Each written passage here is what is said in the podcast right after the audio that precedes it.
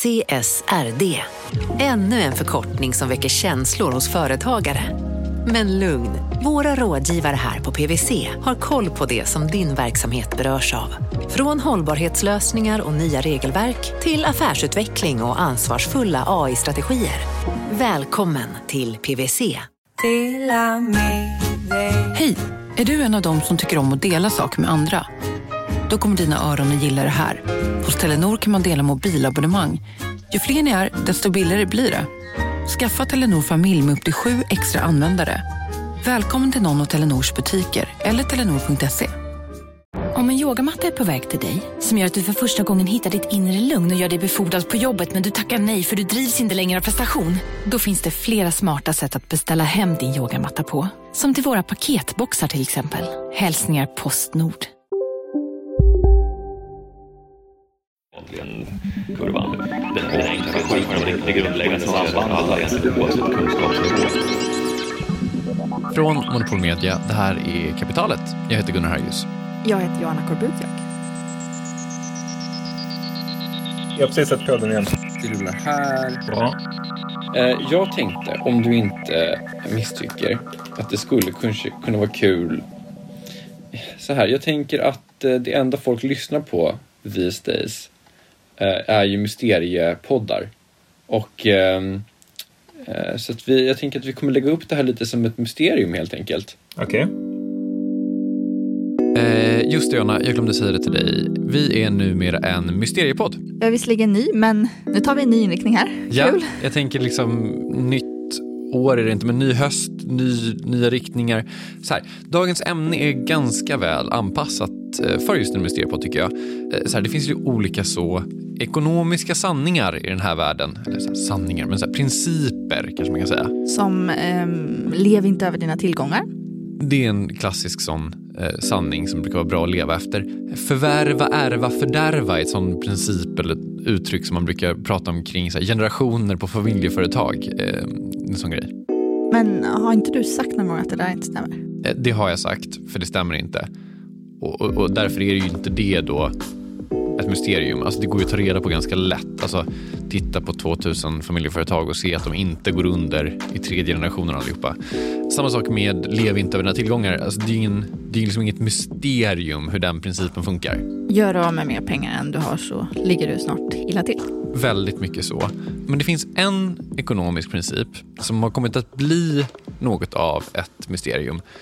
Philipskurvan. The Phillips curve. Philipskurvan som försvann. Precis. Eller gjorde den det? Vem vet?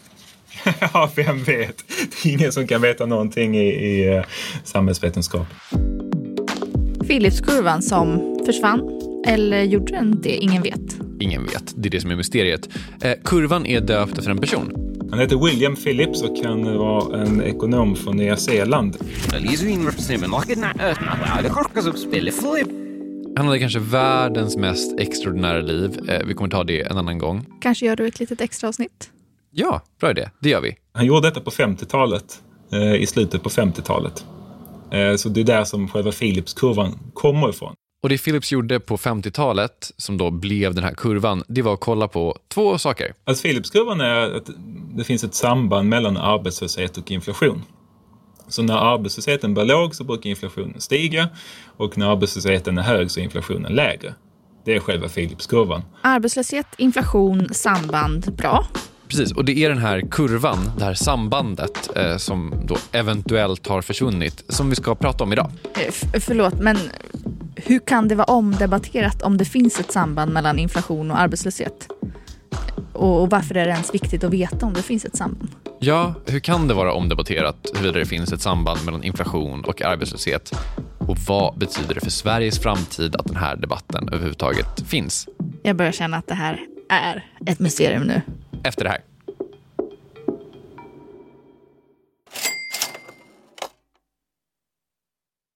Vi sponsras av Storbrand Asset Management som ju förvaltar över 1000 miljarder norska kronor, bland annat för SPPs eh, många pensionssparare. För två år sedan så investerade Storbrand i drygt 60 tåg, alltså tågvagnar, eh, som rullar mellan London och Skottland. De leasar sedan de här tågvagnarna till tågoperatören som alltså kör tågen och säljer biljetter och sånt eh, med ett avtal på 27 år.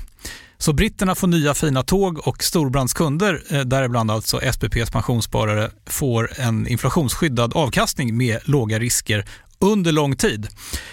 Det här är ett av supermånga exempel på hur pensionskapitalet i växande omfattning bidrar till att bygga samhället och inte minst till att klara klimatmålen. Det behövs elproduktion, elnät, batteriparker, nya transportlösningar och allt möjligt. Bara i Europa antas investeringsbehovet för att klara klimatmålen uppgå till tusentals miljarder dollar. Och det här är ju pengar som ganska ofta saknas i statsbudgetarna. Däremot är det här pengar som pensionsbolagen kan vara med eh, och stoppa in, vilket ger pensionsspararna en fin avkastning under lång tid samtidigt som man är med och ställer om samhället. Vi har gjort ett helt avsnitt om det här eh, som man kan lyssna på. Det publiceras här i Kapitalet i mitten av maj. Ratta gärna in det om ni vill lära er mer om hur det här funkar. Men tack säger vi till Storbrand Asset Management som ju investerar i alla tänkbara tillgångslag, bland annat för pensionsbolaget SPP. Och tillsammans försöker ju vi, Storbrand och SPP, öka medvetenheten om hur pensionerna funkar och vilken roll pensionerna spelar i samhället och i ekonomin.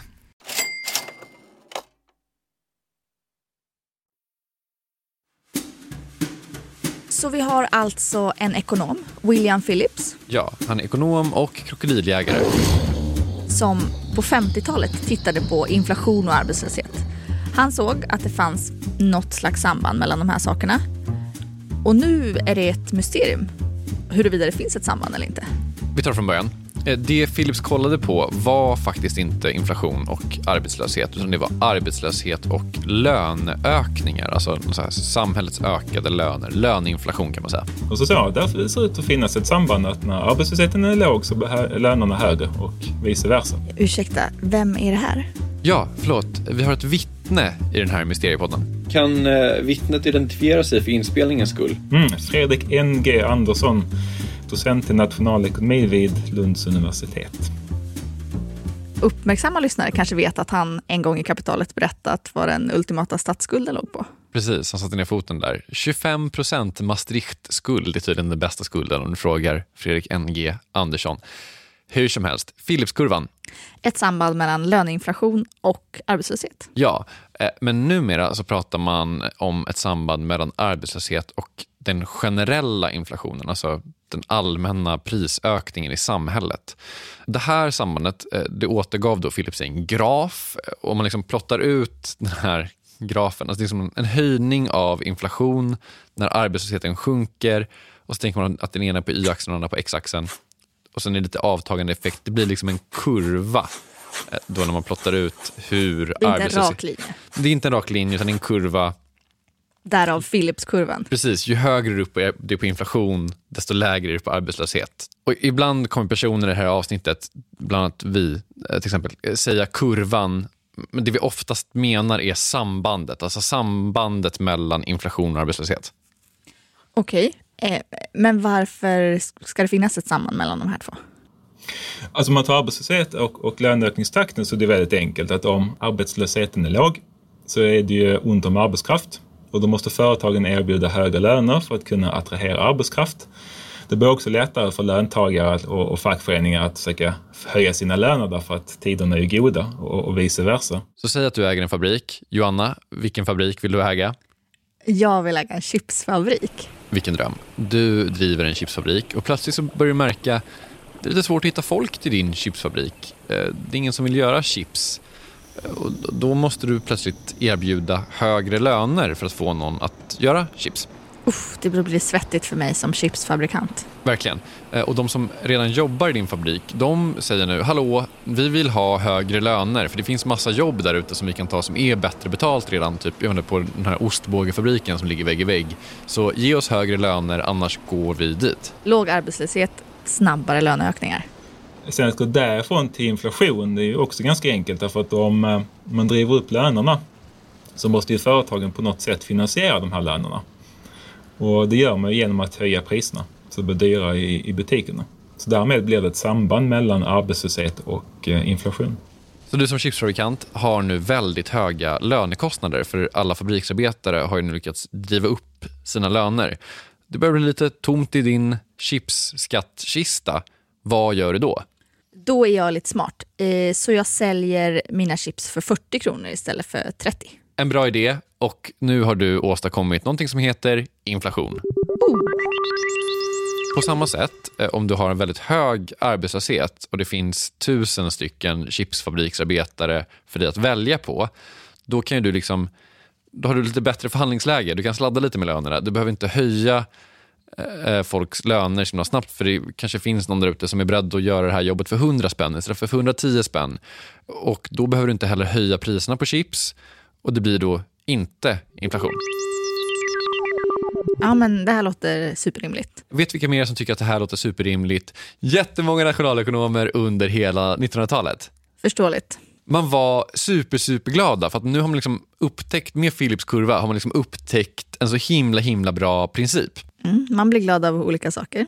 Tänk så här, nu har man liksom ett helt nytt sätt att förstå hela världen på egentligen. Alltså ett sätt som man kan använda sig av. Därför det skapar ju en, en, en, ganska enkel modell att kunna tänka på kring ekonomin. Att om det är högkonjunktur så blir arbetslösheten lägre och då blir inflationen högre. Kan man tro på det så har man ju en väldigt enkel modell till att förklara varför inflationen går upp och ner. Och kan man förklara varför inflationen går upp och ner så är det bra, antar jag? Ja, ta Sverige som exempel. Varför inte? Vi bor ändå här. Den svenska riksbanken, vad håller de på med? Skapa pengar? De skapar pengar, de gav stödlån till banker som de inte ville ha. De gör någonting mer. Styr över räntan? Ja, och det, den här räntestyrningsgrejen, det är också ett medel för att nå ett mål. De har ju ett mål. Inflationsmålet. 1993 bestämdes det att inflation var ett jättebra mått för ekonomin. Eh, Riksbanken ville ha någonting som heter prisstabilitet. Det hör ju att det är bra för det innehåller ordet stabilitet och det är alltid, alltid bra. Bra vill, för en chipsfabrikant. Till exempel, för som chipsfabrikant så vill man inte ha deflation, mardröm för alla i en ekonomi. Eh, men du vill inte heller ha för mycket inflation för då måste du höja priserna på dina chips hela, hela tiden och till slut så är pengar inte värda någonting. Och Zimbabwe Ja, du hör ju hur jobbigt som helst. Sverige blir en svår plats att leva i. Så det man sa var, vet du vad, typ 2% inflation vore väl toppen om vi kunde hålla oss till gänget. Och hur hänger det här ihop med Philipskurvan? Ja, alltså Philipskurvan är liksom det är ju som inte anledningen till att vi har ett inflationsmål i sig. Men det är en del i hur Riksbanken försöker uppnå de här eh, 2 procenten. Alltså sättet som Riksbanken jobbar på är kopplat till kurvan menar Fredrik NG Andersson. För då är tanken att, att centralbanken, det vill säga Riksbanken i Sverige, eh, styr över räntan. Räntan påverkar konjunkturen och sen påverkar konjunkturen inflationen. Och det sista steget, alltså från konjunkturen till inflationen, det är Philipskurvan. Är ju lite rörigt och lite snabbt, så jag tror vi tar det en gång till. Så, målet är 2% inflation. Och Riksbanken styr över räntan. Det är deras arbetsredskap, tycker jag man brukar säga. Det brukar man säga. Mål 2% inflation, metod ränta. Och så påverkar räntan konjunkturen. Precis, så sänker man räntan, det här är ju en ganska så här förenkling såklart. Men tanken är så här, sänker man räntan så blir det mer investeringar för det är liksom mindre risk att göra investeringar. Det blir en starkare konjunktur. Det är teorin. Och sen ska då i sin tur konjunkturen påverka inflationen. Precis, och det här är då Philipskurvan-sambandet. I en god konjunktur så sjunker arbetslösheten och lönerna stiger. Företag höjer sina priser. Boom inflation. Så ett av de här stegen i det här ledet är kopplat till Philipskurvan. Och Riksbanken bedriver den politik de bedriver utifrån att Philipskurvan finns. Ja, men delvis. Eh, alltså, det är inte så liksom, att det här är det enda de sitter och tänker på. Det är liksom, Stefan Ingves har liksom inte en dataskärm framför sig med Philipskurvan och så sitter han och stirrar på den hela dagen och typ ändrar sig utifrån hur den rör sig. Utan, men, men det är liksom en del av Riksbankens arsenal eller vad man ska säga. Eh, de använder den mycket i sina prognoser till exempel och prognoserna ligger till grund för mycket av arbetet. Ja, du vet. Och nu är vi ju en mysteriepodd, ja. så vi återvänder till mysteriet. Och det är ju att det skulle vara rätt jobbigt om den här kurvan inte finns. Att en del av vår penningpolitik baseras på något som inte stämmer. Ja. Eh, men finns den här kurvan, alltså finns sambandet? Ja, det är ju då frågan. Finns sambandet, Fredrik? I teorin, ja. I, i, i praktiken, ibland. Ibland? Ibland. Hur då ibland? Vi pratar, allt, eller pratar väldigt ofta om Philipskurvan.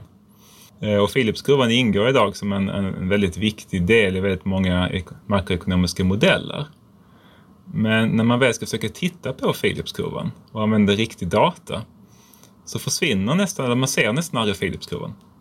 Så, så vi använder i våra modeller någonting som vi i verkligheten har väldigt svårt att se. Så den här grejen som vi är med och bygger en del av vår penningpolitik på ser man inte ibland tydligen. Jag måste erkänna att det här låter sinnessjukt. Så eh, jag bad Fredrik att show his work. Okej, först beräknar vi följande. Hur långt vill jag ska läsa? Ekvation 1 och hela, hela förklaringen också. Nu nationalekonom heads där ute åker vi. Pi, det vill säga inflationen, är lika med beta, en konstant, plus beta 1 gånger inflationen perioden före plus beta 2 gånger arbetslösheten perioden före plus en felterm. Borde jag hänga med i det här? Alltså, borde, borde. Det är väl inget fel om du gör det. Jag gör inte det kan jag säga. Eh, det han gör, förklarade han sen, det är att han kollar på hur inflation och arbetslöshet förhåller sig till varandra, jämför dem och han gör det på ett avancerat nationalekonomsätt. Det, det, är min bästa förklaring av den här ekvationen. Anyway, det han landar i är att... Det är väldigt svårt att, att uh, verkligen hitta ett stabilt samband. Fredrik menar att det går att se det här sambandet ibland, men att det oftast inte går att hitta. Det är det han menar. Han säger att kurvan inte är stabil. Alltså vi har tittat på den lite olika eh, sammanhang. Eh, dels har vi tittat på, liksom, finns någonting stabilt för Sverige? Vi har också tittat på, är det svensk arbetslöshet som korrelerar med svensk inflation eller europeisk? Och det vi hittar är att det, det finns egentligen ingen stabil Philipskurva över tiden, utan det där kommer och går. Och ska vi titta de senaste tio åren, alltså från den internationella finanskrisen och framåt, så är det mycket mer konjunkturen i Europa som styr än, än, än den svenska konjunkturen. Så vad som händer i Sverige har inte så stor inverkan på inflationen som det som händer i euroområdet. Det han landar i någonstans, det är att de här två sakerna som då Philips såg ett samband mellan, de kanske korrelerar ibland. Eh, men han tror liksom inte att det finns någon kausalitet mellan de här två sakerna. Det går inte att ändra på det ena för att styra det andra. Okej, så den här kurvan som Riksbanken alltså använder för att bedriva sin penningpolitik, den finns alltså inte? Kurvan är nu officiellt försvunnen? Ja. Känns lite som katastrof. Jag tycker också det låter som katastrof. Men den här mysteriepodden som vi nu har, ja. känns som att den står utan mysterium eftersom vårt första vittne har avslöjat den här kurvan som en bluff. Ja, så kan det absolut verka. Men vet du vad? Mystiken kommer tätna igen. För jag har faktiskt ett sista vittne efter det här.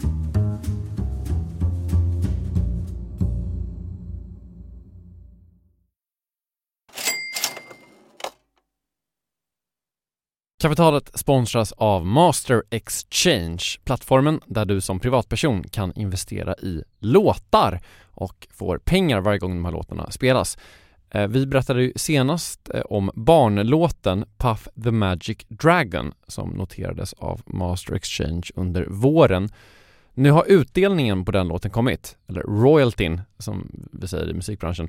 Eh, den ligger på drygt 12% i årstakt och det här är ju en avkastning som är helt okorrelerad till eh, börsen. Till och med Goldman Sachs har börjat skriva om just musik som investering eh, just ur det här perspektivet. Nu finns en möjlighet att investera i en ny låt. Eh, låten heter Boss Bitch och den är av Doja Cat som, alltså jag ska inte säga att jag är superdeep här men det är ändå en, en, person som jag vet om det är. En, en världskändis. Den här låten gav baserad på förra årets spelningar en avkastning på drygt 13% Master Exchange har just nu en väntelista på registreringar. Det, det går lite för bra för dem kan man säga. Men Skriver ni in kapitalet som promo code så kan ni runda kön och ansöka om andelar i låten Boss Bitch ändå. Om ni investerar helt vanliga pengar, det är inget krypto eller sånt där, så vill du investera i musik och få en avkastning som är helt okorrelerad med börsen och kanske inte minst för att det är kul att äga låtar, eh, så kan man gå in på masterexchange.com och använda kapitalet som promo code så går man alltså förbi kön. Kom ihåg dock att alla investeringar är förenade med risk, men vi säger stort, stort tack till Master Exchange. Kapitalet sponsras av Karla, Jakob. Ja, bilar igen. Ja, det är eh, härligt. På Karla kan man sälja sin elbil eh, på det gissningsvis smidigaste sättet i Sverige. Eh, Karla har ju ett nästan ett komiskt högt användarbetyg på Trustpilot. Mm. 4,8 av 5, vilket jag typ aldrig hört talas om. Nej, det är väldigt, väldigt högt. Eh, Man knappar in lite info om bilen på sidan, sen får man en gratis värdering och ett bud. Accepterade budet kommer Karla och hämtar upp bilen gratis och sätter in pengarna innan de kör iväg. Inget mer än så. Rätt fantastiskt. Nej, det är faktiskt Ja. helt otroligt. Och eh, det kan bli ännu mer eh, otroligt än så. eh, För att vi har nämligen en rabattkod som ger dig 2000 kronor extra för bilen. Så om du säljer din bil så får du två lax extra. Stämmer. Bara sådär. Koden är Monopol. Och den uppger du när du har värderat bilen och pratat med Karlas inköpare. Koden är giltig till sista maj, så att passa på om du går i säljartankar. Jag undrar om vi haft en kod som har gett två lax bara sådär någon gång. Det är Nej, helt otroligt. man behöver en bil förvisso. Absolut, så det är inte, kanske inte bara sådär, men det är ändå 2000 kronor extra. Väldigt bra. Ja. Så sälj din elbil eller laddhybrid till Karla. Du får 2000 kronor extra med rabattkoden Monopol. Eh, hoppa in och kolla på karla.se, Karla Museet. Där kan man också köpa bilar ska jag tillägga. Verkligen. Vi säger stort tack till Karla. Det vi har att göra med här är alltså ett mysterium. Kommer vi nu få så här, en miljon lyssningar ungefär som alla mysteriepoddar har? Ja, jag tänker det. Det är målet i alla fall. Eh, Hur som helst, vi har ett samband. Arbetslöshet och inflation. När arbetslösheten är låg så är inflationen hög. Det här är då ett samband som bland annat Riksbanken litar en del på. Ja, och frågan är nu, har sambandet försvunnit? Vittne 1, Fredrik NG Andersson, säger ja. Sambandet är borta. Vilket låter extremt oroväckande om du frågar mig. Men du slängde ut en liten krok nyss. Att det kanske inte är så illa som vi tror. Nej, precis. Jag skulle kalla ett till vittne till det här mysteriet. Personen i fråga heter... Per Österholm, jag är professor i nationalekonomi vid Örebro universitet. Innan dess så har Per jobbat på IMF, Konjunkturinstitutet och Fed. Eh, Han har med egna ord varit en... Policybyråkrat. Credit. Ja, alltså IMF och Fed är ju credit. Ordet policybyråkrat är så jävla okredit. Beror på vilka kretsar man rör sig i. Ah, just det, du har ju gått sta- du har läst stats. Då, då tycker man att byråkrat är typ ett positivt laddat ord. Det är vackert. Ja, Och han tycker alltså att det här med Philipskurvans försvinnande är lite överdrivet. det kan man säga. Eh, Han har till exempel sett den själv. Flera, flera gånger faktiskt. Per, när såg du kurvan första gången? Det var förmodligen på A-kursen i nationalekonomi i Uppsala eh, hösten, 20, hösten 1996. Okej, det här vittnesmålet låter lovande. Ja. Men finns sambandet idag? Finns det här sambandet liksom, om man kollar över tid? Därom tvistade lärde får man väl säga. Eh, ja, det är vi ju med på. Det är väl lite det det här programmet handlar om. Mm. Eh, Men vad säger då den lärde Per Österholm? Ja, Per, du är ju lärd. Eh, Finns Philipskurvesambandet? Ja, det gör det. Vilket låter glasklart, men sen blir det direkt lite mer komplicerat. Exakt hur det ser ut, det eh, vill jag inte svära på. Och hur kan det komma sig? Varför kan han inte svära på det här? Så här, eh, vi har faktiskt, tror eller ej, gjort det lite väl enkelt för oss hittills. Det finns då i den nationalekonomiska debatten inte bara en Philipskurva, utan två. Eh, en långsiktig, en kortsiktig. Eh, vi kommer reda ut det här. Vi börjar med den långsiktiga. Eh, när kurvan kom fram, alltså när Philips plottade ut det här och folk började använda sig av det här, liksom, det började slå igenom 70-talet. Eh, då tänkte man så här, ah shit, vi har ett svinfett nytt redskap här. Eh, och man tänkte sig då att, kanske att man kanske kan höja inflationen här. Om, om policymakarna höjer inflationen då får vi, får vi en lägre arbetslöshet. Eh, och det skulle ju kanske kunna vara någonting bra då. Men det där får man ju säga, det var en, en, en logisk felslutsats. Det finns ingen långsiktig trade-off mellan de här två variablerna. Man kan inte permanent trycka ner arbetslösheten genom att öka inflationen. De här sakerna visade sig har inte så mycket med varandra att göra på lång sikt. Det har bland annat med inflationsförväntningar att göra. Alltså man vet att det ska typ bli mycket inflation de kommande åren. Då bakar man in det i löner och då, det, hör ju, det här går inte ihop. Idag tror vi att det, det finns en långsiktig nivå på arbetslösheten som, som är hållbar. Och vi, vi kan inte knuffa ner arbetslösheten långsiktigt under den nivån genom att välja en högre inflationstakt. Det går liksom inte. Eh, Och där, där tror jag att det råder ganska mycket konsensus idag. Så det är den långsiktiga. Den finns liksom inte. Och den kortsiktiga?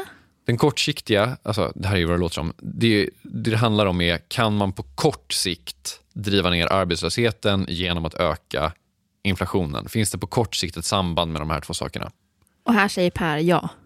Så här, eh, per har ju då bedrivit en egen forskning. lika fina avancerade uträkningar som vittne 1, NG Andersson? Säkert. Jag förstod ingenting av dem, jag förstod ingenting av Pers heller. Vi har skattat Bayesianska vektorautoregressionsmodeller. Toppen. Låter toppen, jag håller helt med. Eh, det är modeller för att kolla på sånt här. Alltså, jag tror att det är allt du behöver veta. Eh, de har med hjälp av de här modellerna kollat på arbetslöshet och eh, inflation. De flesta tyder på att det finns ett negativt samband mellan inflation och arbetslöshet, det vill säga att det finns den här kortsiktiga Philipskurvan. Men vi skattar i vissa fall modeller som tyder på att sambandet är extremt svagt eller till och med icke-existerande. Så att eh, om arbetslösheten går upp så, så händer det inte så mycket med, med inflationen. Så att eh, inte ens den analys som vi har gjort är ju liksom pek, pekar i samma riktning hela tiden. Eh, men det mesta av den analys vi har gjort pekar i riktningen att det finns en Philipskurva och att den inte har ändrats radikalt över tiden. Sen har du gjort Bayesianska autoregressionsmodeller Ganska många dessutom. Och inte fått några helt entydiga svar. Nej, alltså de flesta, det mesta tyder ju på då att det finns ett samband. Eh, men ibland så försvinner kurvan eller sambandet och ibland så är sambandet svagt. Men Per känner ändå att det här sambandet finns. Ja, dels då för att det mesta av hans forskning tyder på att den finns. Eh, jag ska vara ärlig här, jag kan liksom inte riktigt göra en tolkning av vem som använder sig av bäst data och bäst modeller här. Även solarna fläckar, Gunnar. Vi har också väldigt kompetenta lyssnare, så jag, jag tänker att ni, de kan göra liksom en, en, bedömning av vad som är bäst av... Hur som helst, det mesta av Pers forskning säger sambandet finns, men eh, Per menar också att det finns förklaringar på när sambandet inte är så tydligt. Ett, ett policyrelevant verktyg, det innebär också att man försöker utnyttja det i policy. Och här kan man ju göra tankeexperimentet att Riksbanken, de, de tittar på arbetslösheten och sen sätter de eh, reporäntan för att eh, försöka åstadkomma en stabil inflation. Om man skulle lyckas extremt bra med det här, eh, man ser att arbetslösheten går ner, då höjer man räntan och så, då lyckas man alltid få inflationen på 2% I sådana fall kommer inflationen alltid att ligga på 2% medan arbetslösheten den kommer ju att röra sig. Då kommer det se ut som att det inte finns något samband mellan arbetslöshet och inflation, det vill säga det ser ut som att det inte finns någon Philipskurva. Detta trots att det kanske eventuellt finns en Philipskurva som Riksbanken de facto utnyttjar. Man höjer räntan så att arbetslösheten ska stiga, vilket kyler av ekonomin, vilket gör att inflationen faller. Och förhoppningsvis så träffar man då inflationsmålet. Eh, och då har man utnyttjat Philipskurvan. Men när man tittar på data, om man, om man plottar då arbetslöshet mot inflation som, som Philips gjorde så kommer det se ut som att det inte finns någon Philipskurva. Okej, vänt, vänta lite. Vi tar det lite lugnt. Så här. Riksbankens mål det är ju då att inflationen ska vara 2% Inflationsmålet, känt från tidigare minuter av det här avsnittet.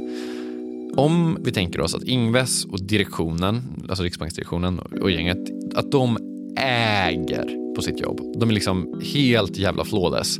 Då kommer ju då inflationen vara 2 jämt oavsett hur hög arbetslösheten är. Så då kommer det liksom se ut som att det inte finns något samband mellan arbetslösheten och inflation. Samtidigt som en av de saker som Ingves har att använda sig av för att pricka de här två procenten är just Philipskurvan.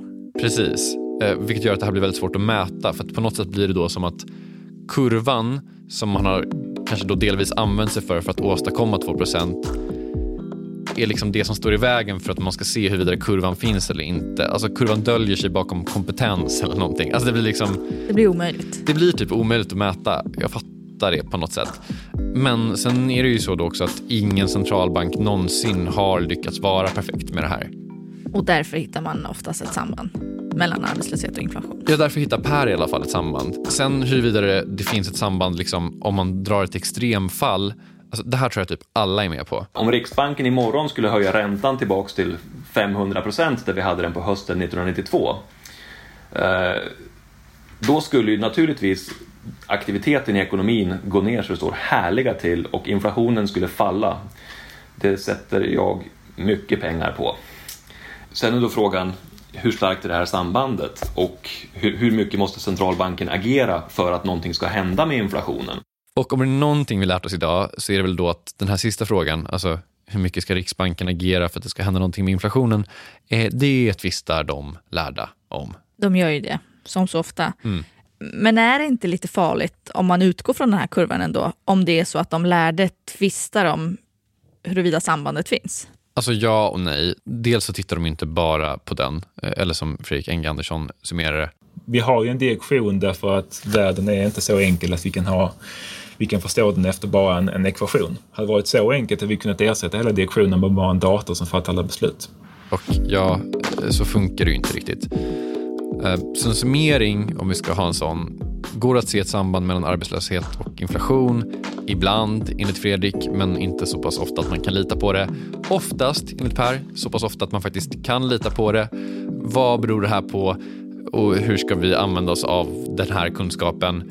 Det kommer de nog tvista på om ett tag.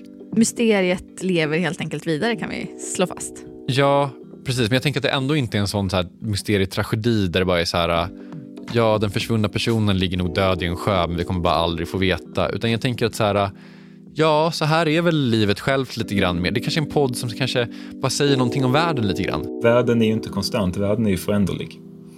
Så i och med att världen förändrar sig så kan de här eh, sambanden komma och gå. Alltså en, en, ekonomi består av människor och människor är inte maskiner.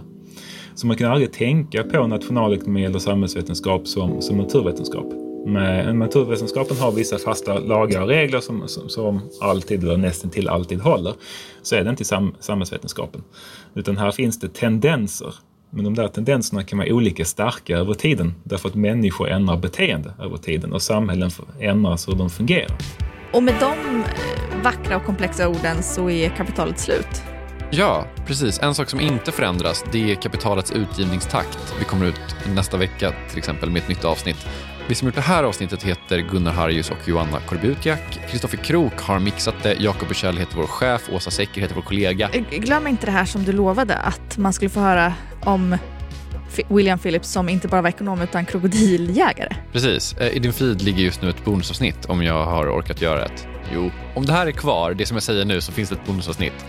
Eh, väl värt en lyssning säger jag på förhand. Spännande. Verkligen. Hej då! Hej då!